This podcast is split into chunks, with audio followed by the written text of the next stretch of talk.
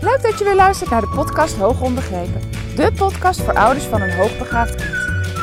Ik ben Eveline en in deze podcast deel ik tips en inspiratie... zodat jij meer en meer in jezelf gaat geloven en gaat vertrouwen op jouw eigen intuïtie. Want jij bent precies de ouder die jouw kind nodig heeft. Hoe ga je om met uitdagende situaties? Hoe zorg je dat jouw kind krijgt wat het nodig heeft? En hoe zorg je ervoor dat jouw kind zich begrepen voelt? Ik heb zin om dit allemaal met jou te delen, dus laten we voor vandaag maar gaan beginnen.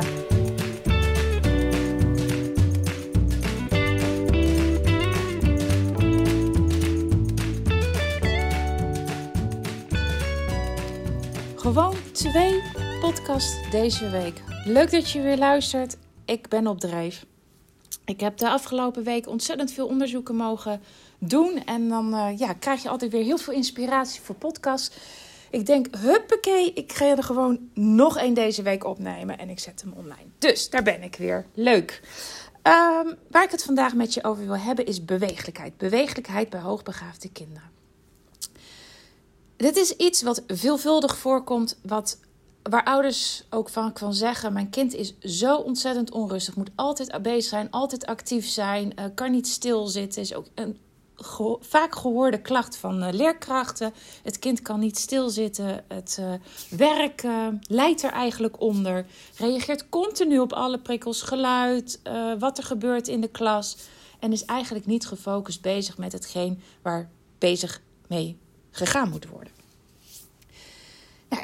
dat kan, weet je. Er zijn gewoon nou eenmaal kinderen die wat meer bewegelijkheid laten zien dan andere kinderen. En ik zie ze hier ook in de praktijk. En ja, ik vind dat mooi. Ik heb zelf ook uh, vier behoorlijk bewegelijke, actieve kinderen. Uh, toevallig heb ik vandaag een van mijn eigen kinderen uh, mogen onderzoeken. Hij vraagt eigenlijk al een aantal weken: Maar mama, wat doe jij dan als je aan het werk bent? Hoe gaat dat dan als je iemand moet onderzoeken? Um, wat hè, hij weet dan wel dat ik bezig ben met hoogbegaafdheid. En we hebben het er thuis ook al over wat het is. Is natuurlijk iets wat wij um, toen de tijd bij onze uh, oudste twee kinderen ook hebben laten onderzoeken. Wat zij zelf, van zichzelf ook weten. En waar ik het laatst ook zelf met hem over heb gehad. Um, omdat ik merkte dat hij wat vastliep in sociale contacten, heb ik hem ook daar wat uitleg over gegeven. Van goh, wat is er nou hoogbegaafdheid? En dat wij denken dat hij ook, net zoals zijn broer en zijn zus, hoogbegaafd is. En wat dat dan voor hem betekent. Maar hij stelt er dus steeds vragen over. Van wat doe je dan? En, en hoe gaat dat dan? En uh, wat is nou eigenlijk precies je werk? En hij heeft daar heel veel interesse in. Dat is opvallend, want um, een van de weinige interesses die hij normaal gesproken heeft is voetbal. Voetbal gamen. Um, dus op een gegeven moment zei ik tegen hem van... joh, zou jij misschien dat ook een keertje uh, getest willen worden? Want dat wil ik best doen. Zou je dat leuk vinden? Nou, waar hij normaal gesproken bij alles het liefst het woord nee gebruikt. Nee, heb ik geen zin in. Nee, is veel te moeilijk. Nee, ga ik niet doen. Uh, nee, uh, laat maar. Niet nu, nooit nu. Uh, en eigenlijk ook dus nooit een andere keer. Had u nu zoiets van, ja, dat wil ik eigenlijk wel. Dus ik was al helemaal verbaasd en ik dacht, oké, ik ga jou onderzoeken. Um, nou, vandaag was dus een dag dat ik geen, uh, geen andere onderzoeken had. Dus ik zei tegen hem uh, van de week van, goh, woensdag heb ik tijd voor je. Ik heb toch geen kinderen die ik moet onderzoeken. Dan wil ik jou wel eens onderzoeken. Nou, daar stond hij voor open. Um, wat ik bij hem wel heb, heel duidelijk heb aangegeven is van... oké, als ik dus tijd voor je maak om te onderzoeken... dan wil ik hem uiteindelijk ook echt kunnen scoren. Dan wil ik ook weten wat eruit komt. Dan wil ik dat ook met jou bespreken. Maar dat betekent ook een bepaalde vorm van inzet van jouw kant. Want hij heeft nogal snel de neiging als hij het niet direct ziet of niet direct kan... dat hij denkt, uh, nou ja, dat hij het niet kan en dan doet hij maar wat. Um, of hij, uh, nou ja verzint allerlei manieren om ergens onderuit te komen. Ik heb van tevoren gezegd, nou dat gaan we dus niet doen. Uh, ik ga mij ergens voor inzetten, verwacht ik van jou ook inzet. Um, dus vanmorgen heeft hij dat gedaan. En normaal gesproken thuis valt het me niet zo ontzettend op, die bewegelijkheid omdat ze van mij altijd alle ruimte krijgen om te bewegen. Weet je, ze hoeven bij mij ook niet stil te zitten aan tafel. Uh, ze kunnen hun werk, wat, ze, wat we aan het doen zijn, uh, staan doen, uh, zitten doen, liggend doen, op de bank maken. bij wijze van ondersteboven. Dus ze kiezen altijd al een manier die bij hem past. Uh, dus is het voor mij heel vaak niet zo heel erg duidelijk dat hij ook gewoon enorme veel bewegelijkheid laat zien. Ik weet wel dat hij van bewegen houdt. Hè. Hij heeft het heel erg nodig om te sporten, om elke dag actief bezig buiten te zijn, maar niet dat hij gewoon eigenlijk moeite heeft met stilzitten. Dus vanmorgen hier op de praktijk, hij gaat zitten en uh, nou ja, het eerste deel van de eerste subtest van de KICS uh, ging nog aardig goed. Op een gegeven moment dacht ik, jij kan gewoon niet stilzitten. Jij kan gewoon niet langdurig achter elkaar stilzitten. Beweeg hier, beweeg daar. Nou, op een gegeven moment zat hij zelfs met zijn voeten op tafel en het boek uh, op zijn schoot. Um, ik heb er nog een foto op Instagram van uh, uh, gedeeld dat hij zo zat. Helemaal niet de manier waarop ik wil dat het onderzoek afgenomen wordt. Omdat ik de, de basiseis is gewoon dat mijn boek netjes op tafel blijft liggen. Zodat ik hem ook voor alle andere kinderen nog kan gebruiken. Zo benoem ik het ook altijd naar de kinderen. Dat wil ik gewoon dat je laat liggen. Dus dat moest hij ook weer doen. Kijk, en wat kinderen dan voor, voor de rest doen. Uh, laatst had ik hier een, een jongetje dat gewoon op de tafel ging liggen. Het kon me niet schelen. Ik wil weten wat jouw intelligentie is. Dus als dat beter is als jij dat liggend bij mij op tafel doet, dan doe je dat liggend op tafel. Merk ik dat dat voor jou niet werkt, dan zet ik je weer op een stoel. Maar er zijn ook genoeg kinderen die hier bij mij gewoon staand um, de test doen. Um, maar die bewegelijkheid is dus wel iets wat, wat ik heel vaak zie bij deze kinderen. Wat ik ook heel vaak van ouders terugkrijg. En wat ook ouders weer van school veel vaak terugkrijgen. En wat me de laatste tijd opnieuw is opgevallen. Is dat op het moment, ik zag dat vandaag ook weer bij mijn eigen kind, op het moment dat de opdrachten simpel zijn, is er vaak heel veel bewegingsonrust. Zit het kind, staat het kind, wiebelt het kind, uh, schopt het heen en weer met zijn benen, is aan het frunniken, uh, aan haren draaien. Nou, ik heb echt alle mogelijke vormen van bewegelijkheid in de loop der jaren wel voorbij zien komen staan, zitten. Het, uh, ja, je kan het zo gek niet bedenken of ik heb het eigenlijk wel gezien.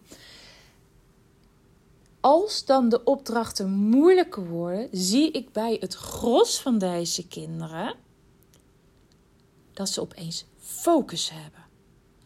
En op het moment dat het moeilijk wordt en hun hersens echt aangezet worden, waarbij ze echt moeite moeten doen, diep moeten nadenken, verdwijnt die bewegelijkheid.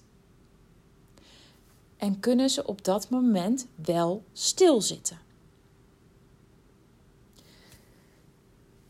Vanmorgen bij mijn eigen zoon zag ik dus in die eerste deel van de subtest uh, van de KICT dat hij dat wel kon. Dan kon hij het ook echt opbrengen bij de makkelijke opdrachten.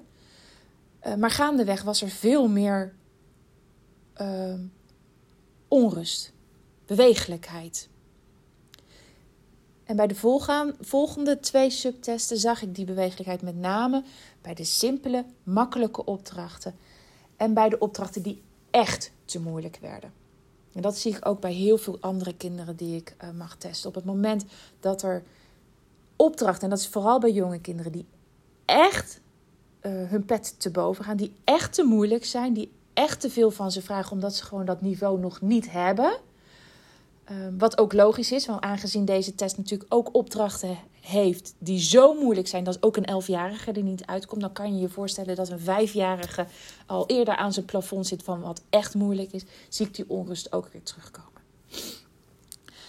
Maar in dat middenstuk, in, die, in dat stuk waarin ze echt uitgedaagd worden, waarin ze echt aangezet worden, waarin ze moeten nadenken, waarin ze echt moeite moeten doen, waardoor ze geprikkeld worden om de opdracht tot een goed einde te brengen, wat echt van lekker niveau is, over het algemeen zie ik op die momenten dat de bewegelijkheid niet of nauwelijks aanwezig is. Er komt veel meer rust in dat, in dat lijf. Er komt veel meer ontspanning in dat lijf. En daarmee dus ook de focus en ook de, de, ja, de, de ruimte om stil te zitten. En dit, deze wetenschap is zo ontzettend mooi. Als je je kind bij mij hebt laten testen, weet je dat ik dat dan ook echt in het verslag zet. dat dat een signaal is of hetgeen wat geboden wordt, zowel thuis als op school, ook van voldoende niveau is.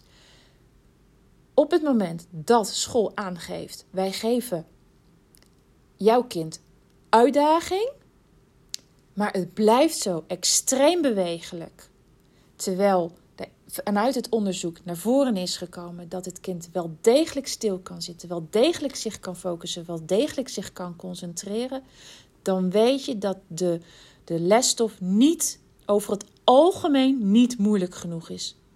Echt, ik heb het nog nooit meegemaakt dat ik dan moet denken: oh, oké, maar jullie hebben nu zoveel te hoog ingezet. De bewegelijkheid komt voort uit het gewoon de overvraging van het kind. Heb ik nog nooit meegemaakt. Wat ik dus wel in het onderzoek zie, maar wat ik dus nog nooit heb gehoord. Dus eigenlijk kan je er als ouder voor, nou laten we zeggen, 99% zeker van zijn dat als jouw kind heel erg veel bewegelijkheid laat zien en niet stil kan zitten op school, dat het te maken heeft met te weinig uitdaging. Te weinig uitdaging biedt dan op dat moment de lesstof. Want een kind dat voldoende uitdaging krijgt, zal ook veel minder op prikkels vanuit de omgeving reageren. Extreem reageren op prikkels uit de omgeving en daarin blijven hangen, gefocust blijven op die prikkels, is ook een teken, want dat is leerstof, niet goed op niveau is. Het zijn echt signalen die je serieus moet nemen en waarmee je samen met school opnieuw in, uh, moet gaan, gaan zoeken, vanuit het gesprek gaan zoeken. Maar wat is dan wel het optimale niveau wat wij dit kind moeten gaan bieden? Het is essentieel zijn er dan kinderen die altijd bewegen? Ja, er is ook een kleine groep kinderen die altijd bewegen. En ik denk dat daar uh, iets lichamelijks speelt. Uh, dat zijn ook vaak de kinderen uh, waarvan ik ouders erop wijs dat het kind dat dat doet en dat ze bijvoorbeeld een afspraak zouden kunnen gaan maken bij een osteopaat. Dat zijn over het algemeen de kinderen waarvan eh, de spanning zo erg vast is gaan zitten in hun lijf dat ze hun lijf gewoon niet meer tot rust kunnen brengen. Maar over het algemeen zie ik dat lesstof van voldoende niveau, uitdaging wat voor voldoende is, zorgt voor rust. En voor jou als ouder is dit een signaal waar je iets mee kan en misschien wel iets mee moet doen. Zeker als het uiteindelijk ervoor voor gaat zorgen dat school zegt van ja, weet je, we hebben een probleem, je kind kan niet stilzitten. Um, ga maar eens kijken of er sprake is van ADHD of een concentratieprobleem. Of, hè, dan zoek je het eigenlijk de oplossing, ja, in mijn ogen, op de verkeerde plek. Dus ga altijd en alle tijden echt eerst aan de slag met het, het goede niveau bepalen, op het goede niveau insteken en vanuit daar kijken wat er dan gebeurt. Oké, dit was het, wat mijn kant betreft. Dit is wat ik heb gezien, wat ik, heb, uh, wat ik al jaren ervaar en waarvan ik dacht, nou, daar moet ik echt een keer een podcast over opnemen. Um, Dank je wel voor het luisteren. Um, ik wil je nog één ding vragen. Als deze podcast of de podcasts die je hiervoor hebt beluisterd, als die voor jou van waarde zijn, zou je dan alsjeblieft mijn podcast willen beoordelen? Dat kan op Spotify door bovenaan uh, sterren aan te klikken. Het aantal sterren is hoe, jij, uh, hoe waardevol de podcast voor jou is. Dus als jij aan wil geven hoe waardevol voor jou de podcast is, hoe vaker dat gedaan wordt, hoe hoger deze podcast beoordeeld wordt, hoe makkelijker de podcast te vinden is voor andere ouders. En waardoor ik ook makkelijker andere ouders kan inspireren met al mijn podcasts. Um, ja, en waar ik ze verder in kan helpen. Dus ik hoop even dat je voor mij alsjeblieft de podcast beoordeelt. Zou ik ontzettend fijn vinden. Dank je wel als je dat al gedaan mocht hebben. Als je dat gaat doen, ook alvast bedankt. En uh, ik ga afsluiten.